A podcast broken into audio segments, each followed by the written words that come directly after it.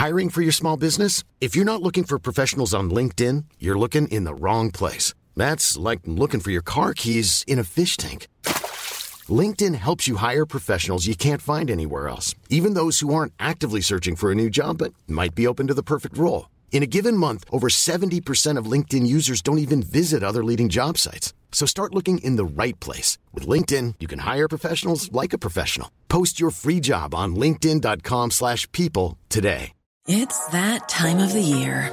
Your vacation is coming up. You can already hear the beach waves, feel the warm breeze, relax, and think about work. You really, really want it all to work out while you're away. Monday.com gives you and the team that peace of mind. When all work is on one platform and everyone's in sync, things just flow wherever you are. Tap the banner to go to Monday.com.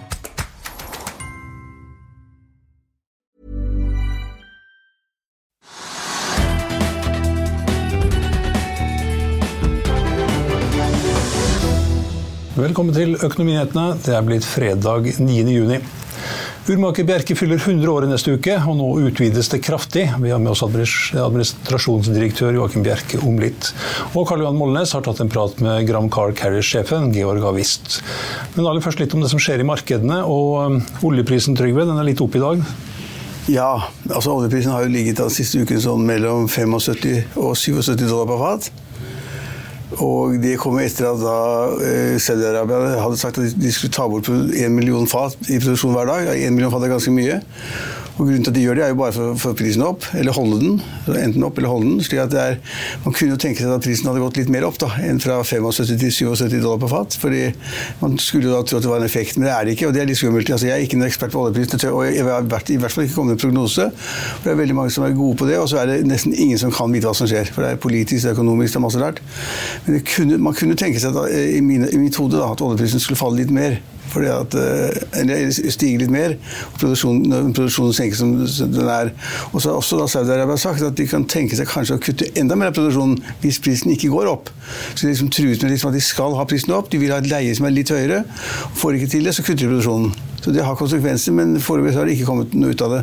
Det som er markedsmessig interessant, det er at når de sier at de skal kutte produksjonen, så skal de også, som oftest gå utover tankflåten. Så raten i tankfart burde egentlig gå ned, for det blir mindre fraktig når produksjonen, volumet går ned. Det er ganske enkelt, enkelt opplagt. Det eh, har vi heller ikke sett ennå. Eh, men det er et litt svakere tankmarked, som kanskje kommer til å vare over sommeren. Og så tror alle at det blir et kjempesterkt tankmarked eh, opp mot jul, men det har ingen effekt nå. Så man skulle tro at når noen går ut og sier at vi skal sende av gårde 1 million eller 2 millioner færre fat enn tidligere, så skulle da på en måte da etterspørselen de tankbåtene som da skal fraktere, ville gå ned, og ratene ville da slå ut med en gang. Men det har de ikke gjort. Nei, men nå har Saudi-Arabia også sagt at dette kuttet her gjelder i juli. Så alle sammen ja. ser bare rett igjennom det og så sier at til høsten så blir det ja, men de har, Når de tar et kutt, så tar de et kutt. Er, det er for å oppnå et eller annet. Og, og, og så hadde de tidligere kutt fra før, som skulle da løpe ut i mai eller sånt nå. De er ikke tatt bort. Altså det, er, så det er kutt. Et langsiktig kutt, og så er det et ekstra kutt. De kuttene til sammen skulle tilsi da, etter min mening en klart høyere oljepris og et lavere volum som blir skipet. Mm. Men, eh, men markedet sier at oljeprisen skal ligge mellom 75 og 77 dollar, og der har den ligget sånn opp og ned hele uka. Ja, ja, ja det får de til. De kan jo kjøpe og selge hele tiden. Så det, ja. eh, Eh, hovedindeksen på Oslo Børs har også svinga med oljeprisen denne uka. her. I dag er den da opp. Oljeprisen er opp 0,75 til 76 dollar og 8 cent. Og hovedindeksen er opp 0,13 til 1229,32 akkurat nå. Så ser vi at krona den eh, styrker seg. I hvert fall lite grann. Jo, den styrker det ganske kraftig. Altså, det som har skjedd, det er, det er egentlig altså, det er dramatisk. For økonomer så er det dramatisk fordi at vi fikk tallene for prisveksten i Norge, og det var 6,7% både for den underliggende prisveksten og konsumprisindeksen. Og Det er en veldig høy prisvekst. Den er høyere enn Norges Bank har regnet med, den er høyere enn Finansdepartementet har regnet med, og den er høyere enn nesten alle samfunnsøkonomene har regnet med. Alle hadde trodd at prisveksten skulle bli lavere, og da, da får du et lite sjokk. For 7,6 er veldig mye, og det går litt tilbake til at matvareprisen i Norge har steget rundt 12-13% det siste året. Det er altså veldig mye. Altså nesten ikke til å forstå. Veldig høyt. Og så fikk man da, tenkte man ok, matvareprisene det var sikkert kjedene vært benyttet eh, sjansen til å øke prisene, mens det kunne være mye debatt om priser. Så det er ikke så farlig, Men det er farlig når du får ut en prisvekst nå på 6,7 så er det veldig skummelt. Og det betyr sannsynligvis at eh, Norges Bank, som da skal da ha en uh, muligens en rentejustering nå i juni, at de helt sikkert kommer til å heve rentene i juni. Og det er nesten helt sikkert kommer til å gjøre det i september. Fordi at prisveksten er så stor at skal de komme ned på en prisvekst på 2 som er målet, en stabil vekst på 2% så må rentene mye høyere opp, og de må bremse aktiviteten mye mer enn det har gjort. Hele aktiviteten skal ned. Man kan på satt på spissen at det må bli flere arbeidsledige, det må bli mindre vekst, mindre BNP-vekst og mindre handel, og liksom alt skal bli dårligere, strammere. Da får man prisveksten ned. For å få til det, så må da renten settes kraftig opp. Og nå tror jeg, og det er mange andre, at, at renten vil bli satt kraftig opp. Jeg har trodd på det hele tiden, da, men kraftigere enn jeg også trodde. og Da får vi da en økning i renten både i juni og i september og kanskje blir seg neste år også. Og kanskje 50 punkter nå i juni? Ja, og det er også et godt poeng. så Den prisveksten er såpass urimelig og så høy at man kan tenke seg at Norges Bank i rentekomiteen sier at liksom, nå må vi virkelig vise folk at vi mener alvor, vi skal ha da prisveksten ned. Og da tar vi en dobbel økning. altså så går man, man går da fra 3,25 istedenfor 3,25 til 3,50, så går man rett til 3,75. Og gjør man det, så havner man i neste år sannsynligvis oppe over 4 på styringsrenten. Og da er vi oppe i 5-6 eh, rente på boliglån, og da begynner det virkelig å merkes hos folk. og Mange økonomer har sagt at vi skjønner ingenting. Det ser ikke ut som noen virker i boligmarkedet. Ja, det kommer til å virke. Hvis altså da styringsrenten havner på firesiden, så, blir det, så blir, vil det slå til markedene på de, de fleste områder. At, det var et langt svar på et godt spørsmål. For at, hvorfor da øh, Det som har skjedd i dag da med kronekursen, er jo da det at den har styrket seg, for den har gått veldig lavt. Og så får, får man da meldinger om at eller man tror at rentene går kraftig opp. Når rentene går kraftig opp, så går rentedifferansen i norsk favør, og så får vi da en styrkelse av krona. SSB hadde også en presentasjon i dag om norsk økonomi, og de sier at eh, de tror at eh, rentetoppen er 3,75, og at den kommer til å ligge der en stund. Jo, man kan godt tro det. hvem vet? Altså, jeg, tror går, jeg, tror vi får se firetallet. Mm. Fordi jeg tror folk undervurderer det at når, når prisveksten er 6,7 på det nivået der, og så skal den ned til 2 så skjønner man at de kreftene som skal få til de er ganske sterke, og det tar tid. Så jeg tror det er ganske optimistisk å tro at man stopper på 3,75. Man kommer over på firesiden. Det er jeg rimelig sikker på. Og matvareprisene de kommer heller ikke til å gå ned med det første. Jordbruksoppgjøret også påvirker vel litt her? Nettopp, men ikke så mye, da. Det utgjør liksom 700-800 kroner for en, en husholdning i året, så det er nesten ingenting. For at de meste tar det over statsbudsjettet. Men det, det påvirker vel ja, personen litt? Ja, litt. Grann. Og, det, og det gir også da muligheter for butikkjedene til å på en måte endre prisene mer i et sånt bilde hvor noe skal øke, ikke noe skal ikke øke. Så blir det i sum kanskje da at alle forsøker å få marginen litt opp. alle litt mer penger. Helt naturlig, spør du meg. Så det, det, er et godt poeng. Det kan tenkes at matvareprisene fortsetter å stige ganske mye. Og det er ikke bra. Så har vi hatt, hatt en ekstra prisvekst i Norge pga. lav kronekurs. Alt vi importerer blir dyrere. Mye dyrere. Eh, og det gjelder alt vi kjøper, enten det er biler eller klokker eller hva det måtte være, så blir det dyrere det man skal importere. Og det har satt sitt stempel på prisveksten i Norge. slik at Det har vært negativt hele veien. Så det eneste positive signalet vi har fått i det siste, var nå. Hvor da man, man, man tenker seg at renteeffekten blir større. Og hvis rentedifferansen blir større i norsk forhold plutselig, så vil altså da kronekursen styrke seg. og Det har den gjort i dag. Så det var forventet. Så nå ligger da euroen eh, godt under 12 kroner, og eh, dollaren ligger godt under 11 kroner. Ja, Dollaren er på 10 kroner og 79 øre, og 11 kroner og 61 øre. Ja, godt under 12 og godt under 11 kroner. Ja. Um, ja, Vi kan ta med at uh, Den svake kronen bidrar selvfølgelig også til at oljefondet holder en høy verdi, men den er også litt tilbake fra å ha vært over 15 500 milliarder kroner tidligere i uka, til i dag å ligge på 15 100 milliarder pluss. Eh, litt om det som skjer på børsen i Europa. Her er det stort sett ned i dag. Det var i hvert fall det for et øyeblikk siden, og det er det fremdeles. Det er rødt over hele linja, i hvert fall de mest toneangivende indeksene og børsene. Eh, I London er det ned 0,4% i Frankfurt ned 0,2 i Paris ned 0,3 i Milano er det ned 0,3 i ja, Madrid er det ned 0,2, og Stox 600 er da ned 0,3 Eh, på børsene i eh, New York eh, der var det en ganske pen oppgang i går. Dow Jones var opp 0,5% SMP steg 0,6 og Nasdaq steg over 1% I dag ligger det an til en liten nedgang for Dow Jones. Ned 0,2% antydes det nå. SMP 500 antydes å åpne helt flatt, og det samme også for Nasdaq. Eh, vi kan også ta med at gullprisen er litt opp, 0,1% til 1981. Og bitcoin den er litt ned, 0,3 til 26 554. Vi kan bare ta med litt om eh, vinnerne og taperne på Oslo Børs. Eh, vinneren er Astrocast, som er opp 15,2% til 2,88 kroner. Her er det ingen eh, nyheter så langt, i hvert fall i dag. Og aksjen har vært ned hele uka, og er fremdeles ned 11% så langt. Nordic Nanovektor faller 12-13% ned ja, 13 nå til 2,45 kroner eh, men har fremdeles en oppgang på 226% denne uka, etter nyheten om at de har kjøpt det lille farmasiselskapet Thor Medical. Eh, de store utfordringene er dog ikke løst, men i hvert fall så har investorene sendt aksjen opp 226% så langt denne uka her. Vi kan også ta med at SalMar er, eh, ja, den er helt flat nå. Eh, på 454 kroner. Den går X utbytte på 20 kroner i dag. Og det tilsvarer da akkurat også den nedgangen som vi har så langt. Eh, ja Kan ta med at også at Arctic Securities har eh, kommet med en oppdatering på hele tanksektoren. Og det har bidratt til at Frontline er opp en ny 1,6% og Hafni er opp 1,9 Softac Solutions var opp 17 tidlig i dag på avtalen med kreditor om en ny tilbakebetalingsplan, i tillegg til at 15 millioner kroner er hentet inn i ny egenkapital og gjeld. Men eh, aksjen er nå uendra fra i går. Etter en kort pause har vi med oss administrasjonsdirektør Joakim Bjerke hos Urmaker Bjerke. Vil du bli oppdatert på det viktigste som har skjedd innen finans og næringsliv? Da er det bare å følge med, for hver morgen er jeg, Marius Lorentzen og aksjekommentator Karl Johan Malnes på plass i studio for å ta tempen på dagens marked i Børsmorgen. Og hver ettermiddag oppsummerer vi alt du trenger å vite i økonominyhetene, og det blir selvfølgelig masse interessante gjester. Klikk deg inn på fa.no-tv, eller søk opp Børsmorgen og Økonominyhetene der du hører på podkast.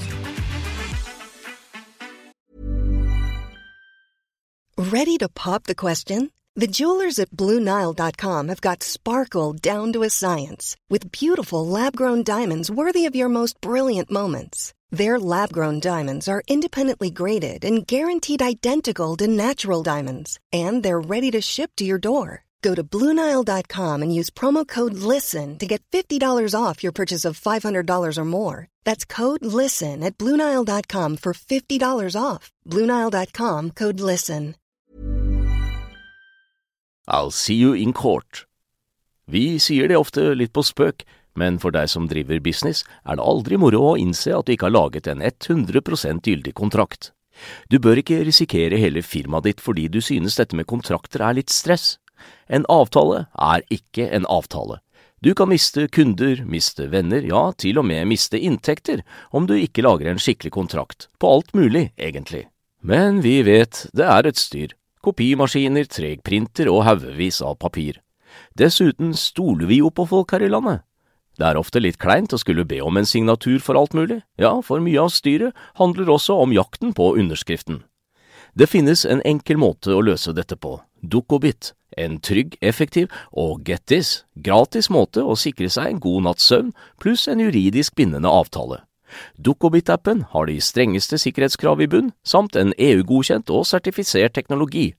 Framover vil det bli behagelig å spørre du, skal vi skrive under på det, eller? Kom i gang på dukkobit.no.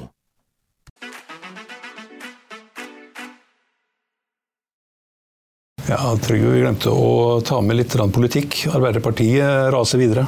Ja, det kommer jo galluper hele tiden. da. Altså Hver måned så uh, Man kan, blir kanskje ikke overrasket over at det er store endringer, men det som kom inn forleden, var veldig mye, syns jeg. Da Da var det en ny måling fra Opinion som viste at Arbeiderpartiet da har en oppslutning på 17,6 17,6 Det er uh, ned 8-9 prosentpoeng fra valget i 21, så det er veldig mye.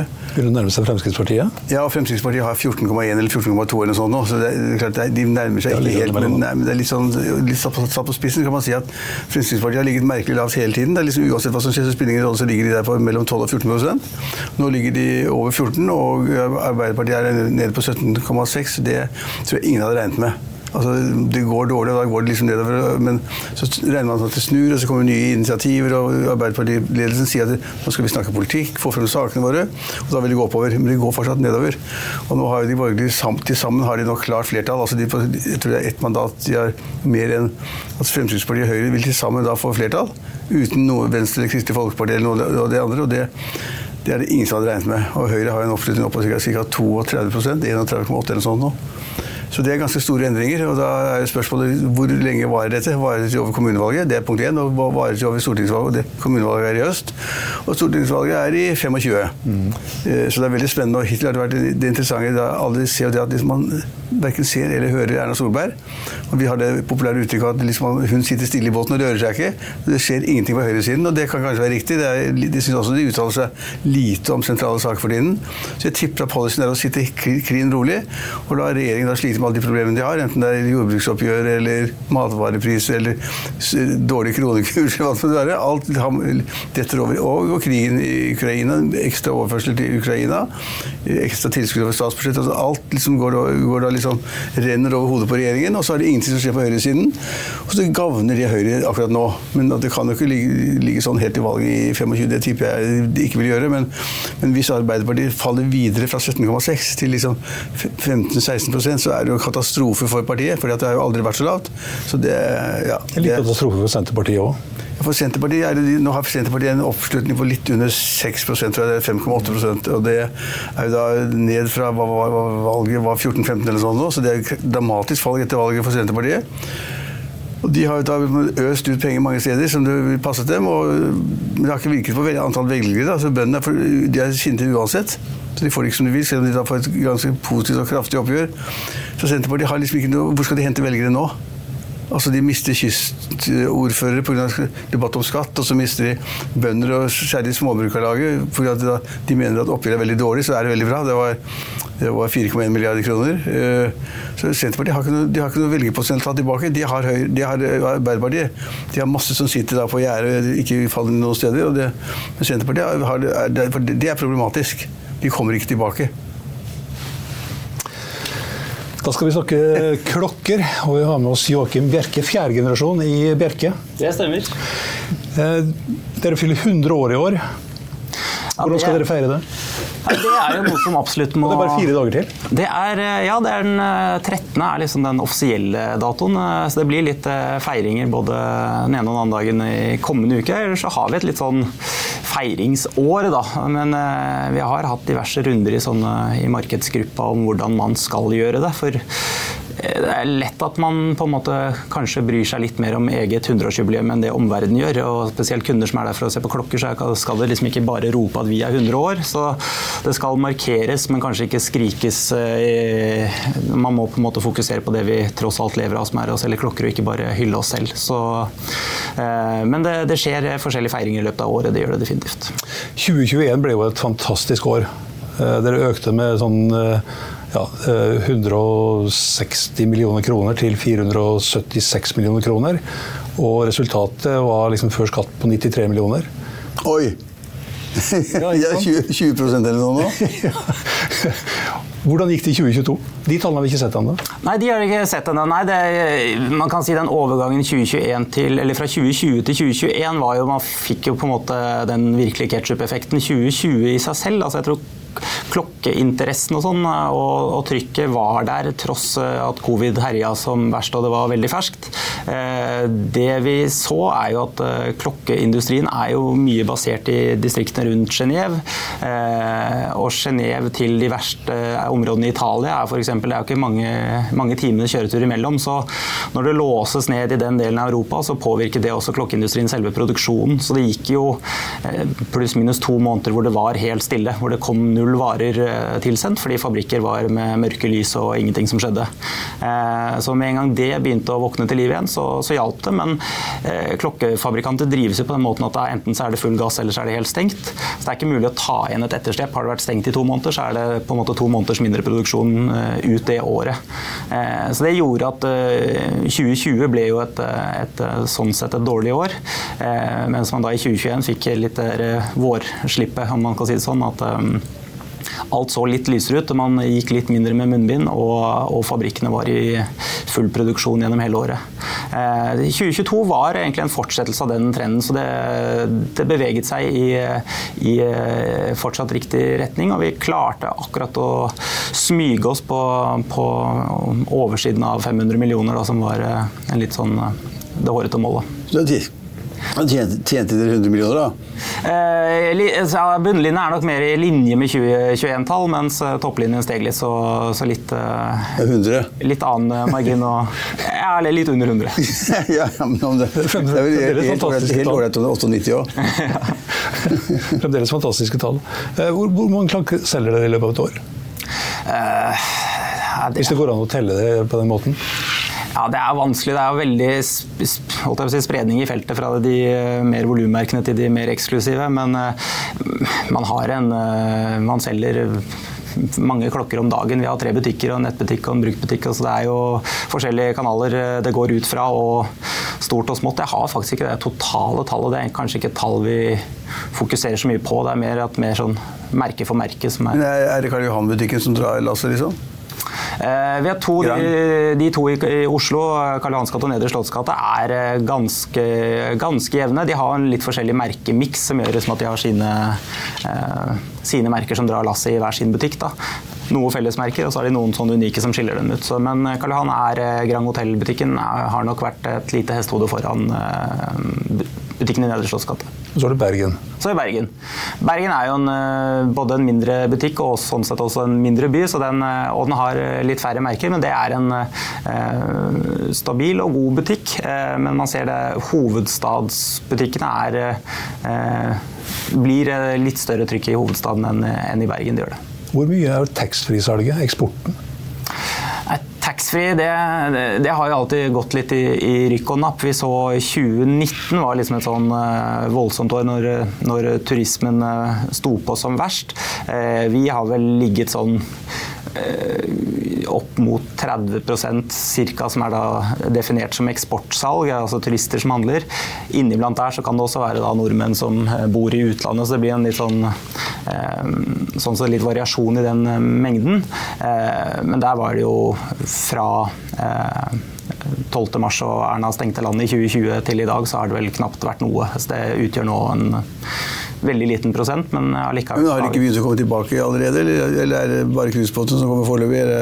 Sånn som vi har opplevd det, så er det turister er én ting. og Jeg tror nok turister generelt har begynt å komme tilbake, men eh, de turistene som handler klokker, det eh, det er ikke alle. Det kinesere og russere, eller er det eh, Ja, det er kinesere. Har vært, eh, kinesere har vært eh, godt representert. Også andre asiatiske land. er Filippinene, Thailand, Vietnam, Korea. Så mm, men nå blir jo klokkene billigere da, for utlendingene, så Ja, eh, vi har ikke helt følt på det enda, den turistbommen. Det merket vi da i, i 2015, når du hadde den derre uh, slippet mellom euro og sveitserfranc, eh, hvor det plutselig spratt i været og norsk krone var, eh, var dårlig en periode. Sånn. Da fikk vi telefoner fra, fra mer sentrale europeiske land og ville kjøpe klokker, men eh, foreløpig så er det lokal lokal handel vi det, har, jeg tenkte på, har dere bare sånne diamantklokker og gullklokker og sånne, eh, altså sånne dyreklokker, eller er det vanlige klokker? Sånn ja, det er jo alltid en sånn definisjon hva som er en vanlig klokke, da, men vi har klokker i prisklassen fra snaut 10 000 og oppover. Men jeg fikk meg en ny klokke forleden. Ja. Jeg har ikke tatt den for grenledning der. Men den, den, er pen, er ikke det? Det er en uh, fantastisk smartklokke. Det er en fantastisk smartklokke. Den kan jeg sjekke hjertet mitt, og hjerteflimmer og pulsen og været og får uh, meldinger på og mail. det, det, det, det, er ikke noe du ikke kan med den, altså. Og da er det såpass tynn at den ser ut som en vanlig klokke. Det jeg tror, har ikke, det jeg tror du ikke kan med den, er å arve den bort til ditt oldebarn om 50 år. Det tror jeg ikke du kan med den. Nei, men Da er det, pga. teknologien kommet nye klokker i samme bransje som er liksom ti ganger så gode. Da, ja, da tipper jeg den har ligget i søppelbøtta i 48. Ja, ja, ja, ja Nei, ja, men, Så du er ikke så glad i sånne klokker? altså? Nei, jeg tenker at det er en, et fint supplement, og det er egentlig ikke en konkurrent. og det var, Jeg husker når Apple Watch kom, og var, de gikk jo opp fra null til å være verdens største klokkeprodusent. Da var det isolert klokkedelen av det. Mm. Det gjorde de i løpet av om det var under et halvt år. Men allikevel så har ikke det påvirket. og Jeg tror egentlig det er et positivt tilskudd, for det gjør at spesielt mange yngre får et forhold til å ha noe på håndleddet. Eh, det at man, start, at man ikke bare har iPhone i lomma, men at du faktisk har noe på håndleddet, er en litt sånn første inngang til det. Eh, og så tror jeg man må se det Det man ser for klokkebransjen, er at det batteridrevne klokkene er egentlig mer på vei nedover, mens det er det mekaniske og det tradisjonelle som uh, står støtt i stormen. Altså jeg tror de klokkeindustrien må tenke at det er ikke et Man kjøper det ikke primært fordi man skal vite hva tiden er, at den skal dekke det behovet. For klokker fins det, eller tidsmålere fins det nok av rundt deg i Men Det er interessant det du sier. Altså Ungdommen de, ser, de bruker iPhone som klokke også, det ser jeg. Altså, og her på huset ser vi at folk bruker bare telefonen. Men jeg kunne jo ikke tenke meg å gjøre det. så jeg, Da jeg gikk over til denne her for et par uker siden, så, så la jeg den andre i lomma, den vanlige klokken, da, som var litt, litt finere og penere, men ikke så veldig dyr. men... Eh. Nei, og det, det er litt sånn vanesak, men jeg tror også som eh, den eh, oppvoksende generasjonen også, er det mange der som er veldig klokkeinteressert. Det har vi merket sånn på et kundearrangement. Hvis vi inviterer inn til et åpent hus, så, så ser vi snittalderen har gått ned på de som oppsøker det. Det kan komme vennegjenger med 17-åringer som er kunnskapsrike og, og sultne på mer informasjon. Det snakkes om at det er lange ventelister på en del klokkemerker og modeller. Men når dere omsatte for en halv milliard, så får dere kanskje nok klokker? Eh, ja, det, vi, vi, skal absolutt ikke klage på det. Og, men det har vært en, en, en, utvikling hvor man ser at eh, sier at liksom, den virkelig store klokkeinteressen startet den bølgen i 2016. Eh, da kom det noen modeller som gjorde at mange fikk opp øynene. Det var spesielt en modell fra Rolex som heter Daytona, som kom med en ny utførelse det året. Og den var på en måte litt sånn eh, den fyrte en gnist hos mange. da. Mange likte den, og man så at annenhåndsmarkedet gikk litt løpsk på akkurat den modellen. Og, og, da var det mange som sa at nei, hvis jeg ikke får tak i den, så prøver jeg på den. Og så har på en måte den snøballen rullet. Så nå gjør det at det er uh, mange modeller og merker og modellserier som er uh, etter hvert så uh, etterspurt at tilbudet ikke er rett og slett Nei, men Det høres jo helt skrullete ut. altså Sette sammen en sånn klokke kan man da bare øke produksjonen, sette på to skift ekstra et par uker i helger, og så er det tatt det etterslepet?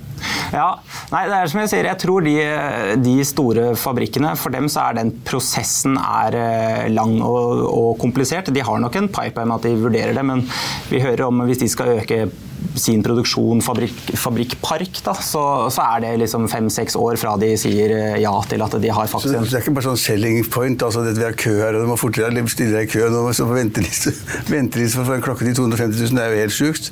Ja, nei, det er, eh, det er ikke det. Altså, det er, mange fabrikker de kjører da med døgnbemannede skift på fabrikkene, så det er eh, åtte, åtte ganger tre timer det går døgnet rundt. For, for, for å få laget nok, nok, klokker? De produserer for fullt. Hva, hva koster den dyreste klokken dere har på Karl Johan? Eh, nei, det, klokker mellom én og, og to millioner er på en måte en Håndledsklokker? Håndledsklokker, ja. ja armbåndsur. det fins jo noen helt elleville klokker. Eh, med de lager med fantastisk mye funksjonalitet og tekniske underverk som man kan eh, koste mye mer enn det. Men sånn i en eh, normal klokkebutikk rundt omkring i verden som fører de eksklusive merkene, så skal jeg gjette mellom én og to millioner er nok Og den billigste? 6000-7000. Ja. Det er nok sånn spennet vi er i. Du kan jo sikkert velge å vrake. hvilken klokkemodell liker du best? Nei, jeg har jo jeg har ikke en sånn voldsom eh, samling. Jeg pleier å ha min eh, gamle gode som jeg fikk til konfirmasjonen for uh, ganske mange år siden. Uh, og så har jeg en sånn pynteklokke, og så har jeg liksom en up to date. Nå har jeg en, en Rolex Submariner av nyere årgang som er sånn bruksklokken. Mm. så den varierer jeg på med mellom halvannet og to år, så bytter jeg den ut og prøver noe annet. Jeg har, jeg har en klokke som heter Tag Hoier, har du det nå? Ja, Tag Hoier har vi også. ja, den har jeg hatt i mange år. Vet du, vet du, hva, som er, vet du hva, som er, hva som er problemet med den? At remmen er helt håpløs. Den går i oppløsning hele tiden. Må skifte remmen, og det koster flere tusen kroner. Det er jævlig irriterende. er det ståle, stållenke? Er... Nei, det er en sånn plast, ikke plast, ja, men sånn, sånn gummiaktig. Ja. ja. Det går i stykker, går, altså, går i stykker hvert annet år eller sånn, som jeg kjøper ny. Enten hos dere eller andre. Det er jævlig irriterende. Hva på stål, da? Hva? Da må du på stål, Ja, da. men du kan ikke helt det heller. for Det, er- det, er- det, er- det er så merkelig den der koblingen til. Så jeg har kjøpt flere ganger nye, og det, hver gang blir jeg like irritert. jeg, Den klokken, det skal jeg aldri kjøpe igjen. For remmen er for dårlig, men klokken er vakker og morsom og fin. Ja. Ser tøff ut og er fin og sånn, men, men, eh, men remmen er- holder ikke. Nei, det er uh, gummi med litt bruk og litt saltvann og, og på håndleddet her og der, så ja, to år er kanskje kortste laget. par år, da. Ja, Ja, men- sånn uh, mellom tre og fem år er nok sånn normalt på Det det. er, sånn burde det ikke være. Nei, eh, vi hører det, og spesielt når det gjelder skinnremmer, så er det mange som syns det er litt eh, for dårlig at det varer et, et år. Da.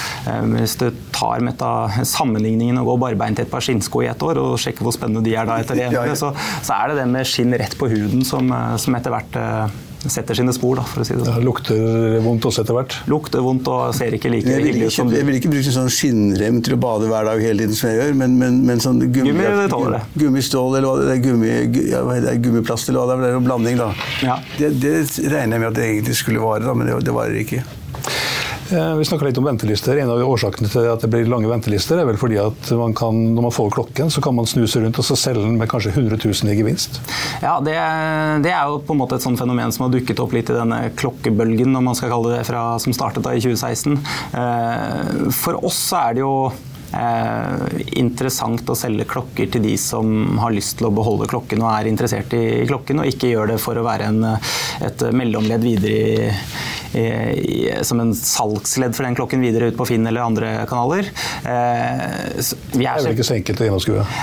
Nei, det er ikke så enkelt å gjennomskue. eh, Men vi i hvert fall gjør det vi, vi kan for å eh, kvalitetssikre de vi, vi velger å, å selge klokkene til. Men eh, selvfølgelig, vi er ikke noe politimyndighet om at ting ikke er ulovlig. Så folk etter de har gått ut døren og kjøpt en klokke hos oss, så står de jo fritt til å gjøre akkurat hva de vil. Så vår jobb er at de som går ut av døren med klokken har vi gjort en god nok kvalifiseringsjobb til å, å være sikre på at ikke det, alt ender opp i, på annonsemarkedet. Dere har, å, dere har starta også en sånn vintage brukt eh. Ja. Det, det var et lite sånn eh, Under covid så tenkte vi må, kan ikke sitte stille, så da Vi vi har ha snakket ja, vi må jo Vi har snakket om det i mange år, men da, da følte vi at nå har man tid til å Sånn sett litt eh, roligere tider i den normale driften, at man kan eh, fyre i gang med det. Eh, så det har da eksistert nå i ca. to år. Er normalt, eller primært, en digital visningsplattform hvor du handler også på, på nett, men med mulighet for fysiske at du kan booke et møte og komme og få prøve på. I disse eller nå, Fram til og med søndag så har vi også en sånn pop-up-butikk med vintersklokker nede på, på Aker Brygge, det Porsche-studioet der. Eh, Men tanken der er jo det fysiske er nok en viktig del av det. Det der at mulig å komme og se og prøve på. Så, så det er vel de tanker vi tenker for framtiden med, med det vintage-konseptet. Ja. Blom, Blomkvist selger også klokkeproduksjoner etter hvert. Ja. Så det er altså en konkurren- konkurrent på en måte til det salget, da. Eh, jo, absolutt. Så de, de selger klokker. Det vi eh, på en måte Viktig for oss er nok kanskje ikke at eh, vi går ikke inn i vintage ene alene for at her skal vi tjene uendelig mye penger. Eh, men det er en, en, eh, et tilbud til eksisterende kunder. Eh, man har etter hvert en, en kundebase når man har eksistert i 100 år, og for mange så er det der den barrieren av å selge klokken sin selv kan være litt eh, kjedelig. Hvis du har, eh, fikk til en eh, morgengave når du gifta deg i 1993, og nå er du litt lei av og har lyst å kjøpe noe nytt, så er det ikke bare bare for alle å legge den ut på Finn og møte en tilfeldig fyr på en kafé og få tusenlapper i en plastpose. Så vi tenker at det, vi er ikke grådige i noen margin når vi gjør denne øvelsen her. og og man må også gå inn i det med litt den helheten eh, vi eller hvordan vi jobber i alle retninger, og med at det skal være en kvalitetssikret og god prosess. Da. Urmakere skal se gjennom alt skal være ekte, og klokker skal fungere og med garanti. Og, så, så sånn sett så tror jeg vi har en litt annen inngang til det enn rene brukthandlere, som er mer et uh, rent profittjag. Kan det tenkes at du kan selge din brukte klokke og kjøpe en ny tilsvarende til en lavere pris? Eh, altså Du selger en eldre modell av en brukt enn du kjøper en kliss ny. Ja, eh, I mange tilfeller så er det sant, ja. Eh, så det, de bruktprisene på visse ting, og ting som er eh, etterspurt og en, har en begrenset eh, kapasitet eller mengde av ute i verden, de, det kan gå både én og to og tre ganger ned av hva det koster tilsvarende nytt i butikken. Man får også noen rare avarter, at eh, stålklokker blir dyrere enn gullklokker f.eks., som er også en sånn rart fenomen da, på, på annonsemarkedet. Men du, bare for å hoppe tilbake til begynnelsen, Vi snakket om prisvekst, og i Norge var politikerne opptatt av prisvekst, og myndighetene og SSB Når du tjener 100 millioner, burde man ikke sette ned prisen da? Samfunnsoppgave? jo, det kan du se. Det er, eh, 2021 var nok et godt år med tanke på, på eh, valutaen og hvordan den traff gjennom året. Eh, nå sitter vi godt nede i 2023, og man merker jo hvordan kronen har gått fra, fra 1.1 og til i dag, som slår godt ut utover marginer. Så, og når det gjelder prissetting for vår del, så er vi Det settes jo verdenspriser, eller fabrikkene setter jo prisene for, for verden. Eh, så og de gjør det sjelden i, i, forkant, de gjør det alltid i etterkant. Så nå sitter man litt sånn eh, med et etterslep, men en veldig dårlig margin gjennom eh, så langt i 2023. da. Helt til slutt, Joakim, så må vi si litt om dere. Dere satser nå stort og skal åpne en ny butikk i Oslo på 2700 kvadratmeter. Ja. Ullevål stadion? Ja, omtrent, det sto mellom dem. Nei, vi, vi, Det har også vært litt, litt, den utviklingen vi har sett de senere årene. og det er jo det at eh, Fram til sånn 2010 så var det greit at man eh, hadde en liten butikk. Man bygde noen møbler med noen utstillingsvinduer på veggen, og så satt man inn en knøttliten bakvegg og satt noen klokker i forkant. Eh, du kunne egentlig sette litt merkene på kryss og tvers og hvordan du ville, og det, det var måten man gjorde det på.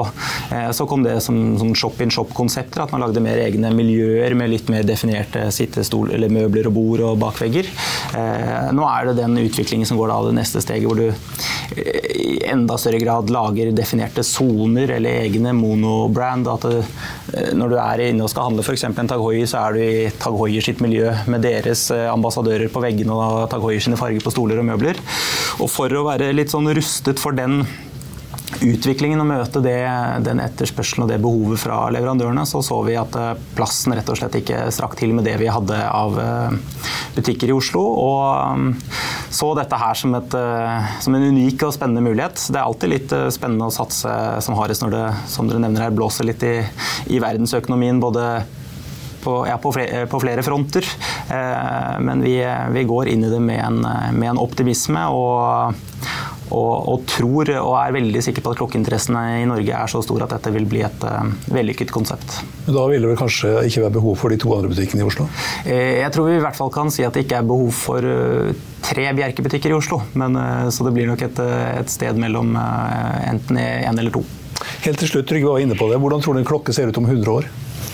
Uh, nei, det tror jeg uh, Jeg tror det er egentlig et uh, Vi er allerede forbi der. og Hvis man ser den kvartsbølgen som kom, så var det en, et behov at de mekaniske klokkene gikk litt for upresist til at du kunne ikke være lokfører og bruke det. Da måtte du ha noe bedre. Så da kom kvartsklokkene og dekket et behov for det.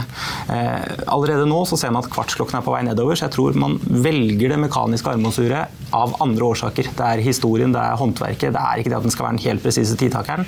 Og sånn sett så ser jeg ikke noen grunn til at det ikke skal eksistere om 100 år også. Stein Ove, denne klokken her, kan jeg si liksom, slå, slå, slå telefonnummeret til Stein Ove, og så slår han nummeret til deg. det er bra, hva? Du bør ikke tenke noen ting. Det blir vanskelig med en Rolex, tror jeg. Ja, men det her kan, kan man ja. Hei, Siri, slå nummeret til Stein Ove. Ja. Nei, det er uh, hvis, jeg faller, hvis jeg faller på et av studiet nå hvis jeg faller her sånn, så melder det seg til mine barn og til en sentral om at jeg falt. Jeg har en, jeg har en eh, podkast som heter Klokkepodden, og der sitter min, eh, min eh, medprogramleder sitter med en, en sveitsisk klokke på den ene hånden, og så har han Apple Watch på den andre hånden, så da er han på en måte begge behovene. Begge, Tusen takk for at du var med oss, Joakim, og lykke til med jubileumsfeiringen. Takk skal du ha. Ja, da er Nordshipping over for i år, men på tampen fikk Karl Johan Molnes en liten prat med Gram Car Carriers-sjefen Georg Avist. Vi er fortsatt på Nordshipping, men nå har vi flyttet oss til Hotell Continental, og vi har kommet til segmentet Hot Sectors.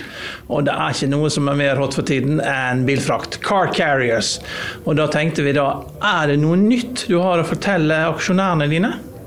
Ja, vi har akkurat vært på, på scenen her på hos Marine Money. Og vi har jo litt nye ting. Vi har gravd litt mer i tallene. Og det er klart at hvis du tar det veldig stort og bare ser på bilsalg eller ser på bare sjøveistransport, så ser det jo, kan man ikke egentlig forklare hvorfor det er så hot, som vi sier, en hot sektor. Men det som selvfølgelig viser seg, er at det som betyr noe i bilfrakt, det er volumene ut av, av eh, Kina, Japan, Korea, Asia til resten av verden. Alt annet tilbake dit er backhold trade. Og når man ser på det isolert sett og ser at Japan holder god takt, Korea er litt opp, og, Kina er jo rett i taket, så er det altså fra, Hvis du sammenligner med 2019, så er det altså 32% vekst i de volumene. Og Da er det klart, da kan man godt forstå at her er det supertight marked. Og da er selvfølgelig ratene der eh, hvor vi har sett de er. Og, og, vi nyter godt av det. Og Det er klart, det er, det er ikke for så vidt noe nytt, men det er nytt å se og liksom gjøre analysen riktig. Ja. Tusen takk eh, til konsernsjef Georg, Georg Wist eh, hos Graham Car Carriers. Og det er vel sånn fortsatt 75 av overskudd som deles ut i utbytte? Det er det. Det kommer i august. Så det er bare å, bare å kose seg når det kommer, og betale feriepengeregningene med den. Ja. Takk for det. I Finansavisen i morgen kan du lese Trygve Hegnars leder om Sandra Borch som nekter kjøttkutt, om nye spådommer om Tankvest, om Skagen-forvalteren som fisker i et hav av billige aksjer, om ukens aksje og innsideporteføljen, og selvfølgelig lørdagens høydepunkt for mange, som er ukens motor. Det var Økonominyhetene her på fredag 9.6. Vi er tilbake igjen med Børsmorgen på mandag klokken 8.55 med Jan Petter Sissener i studio. I Økonominyhetene klokken 14.30 har vi med oss managing partner Petter Nylen i Akershus Eiendom. Husk også at du får de siste minuttene minutt for minutt på finansavisen.no. Mitt navn er Stein Ove Haugen. Riktig god helg, og tusen takk for at du så på og hørte på, og håper du er med oss igjen på mandag også.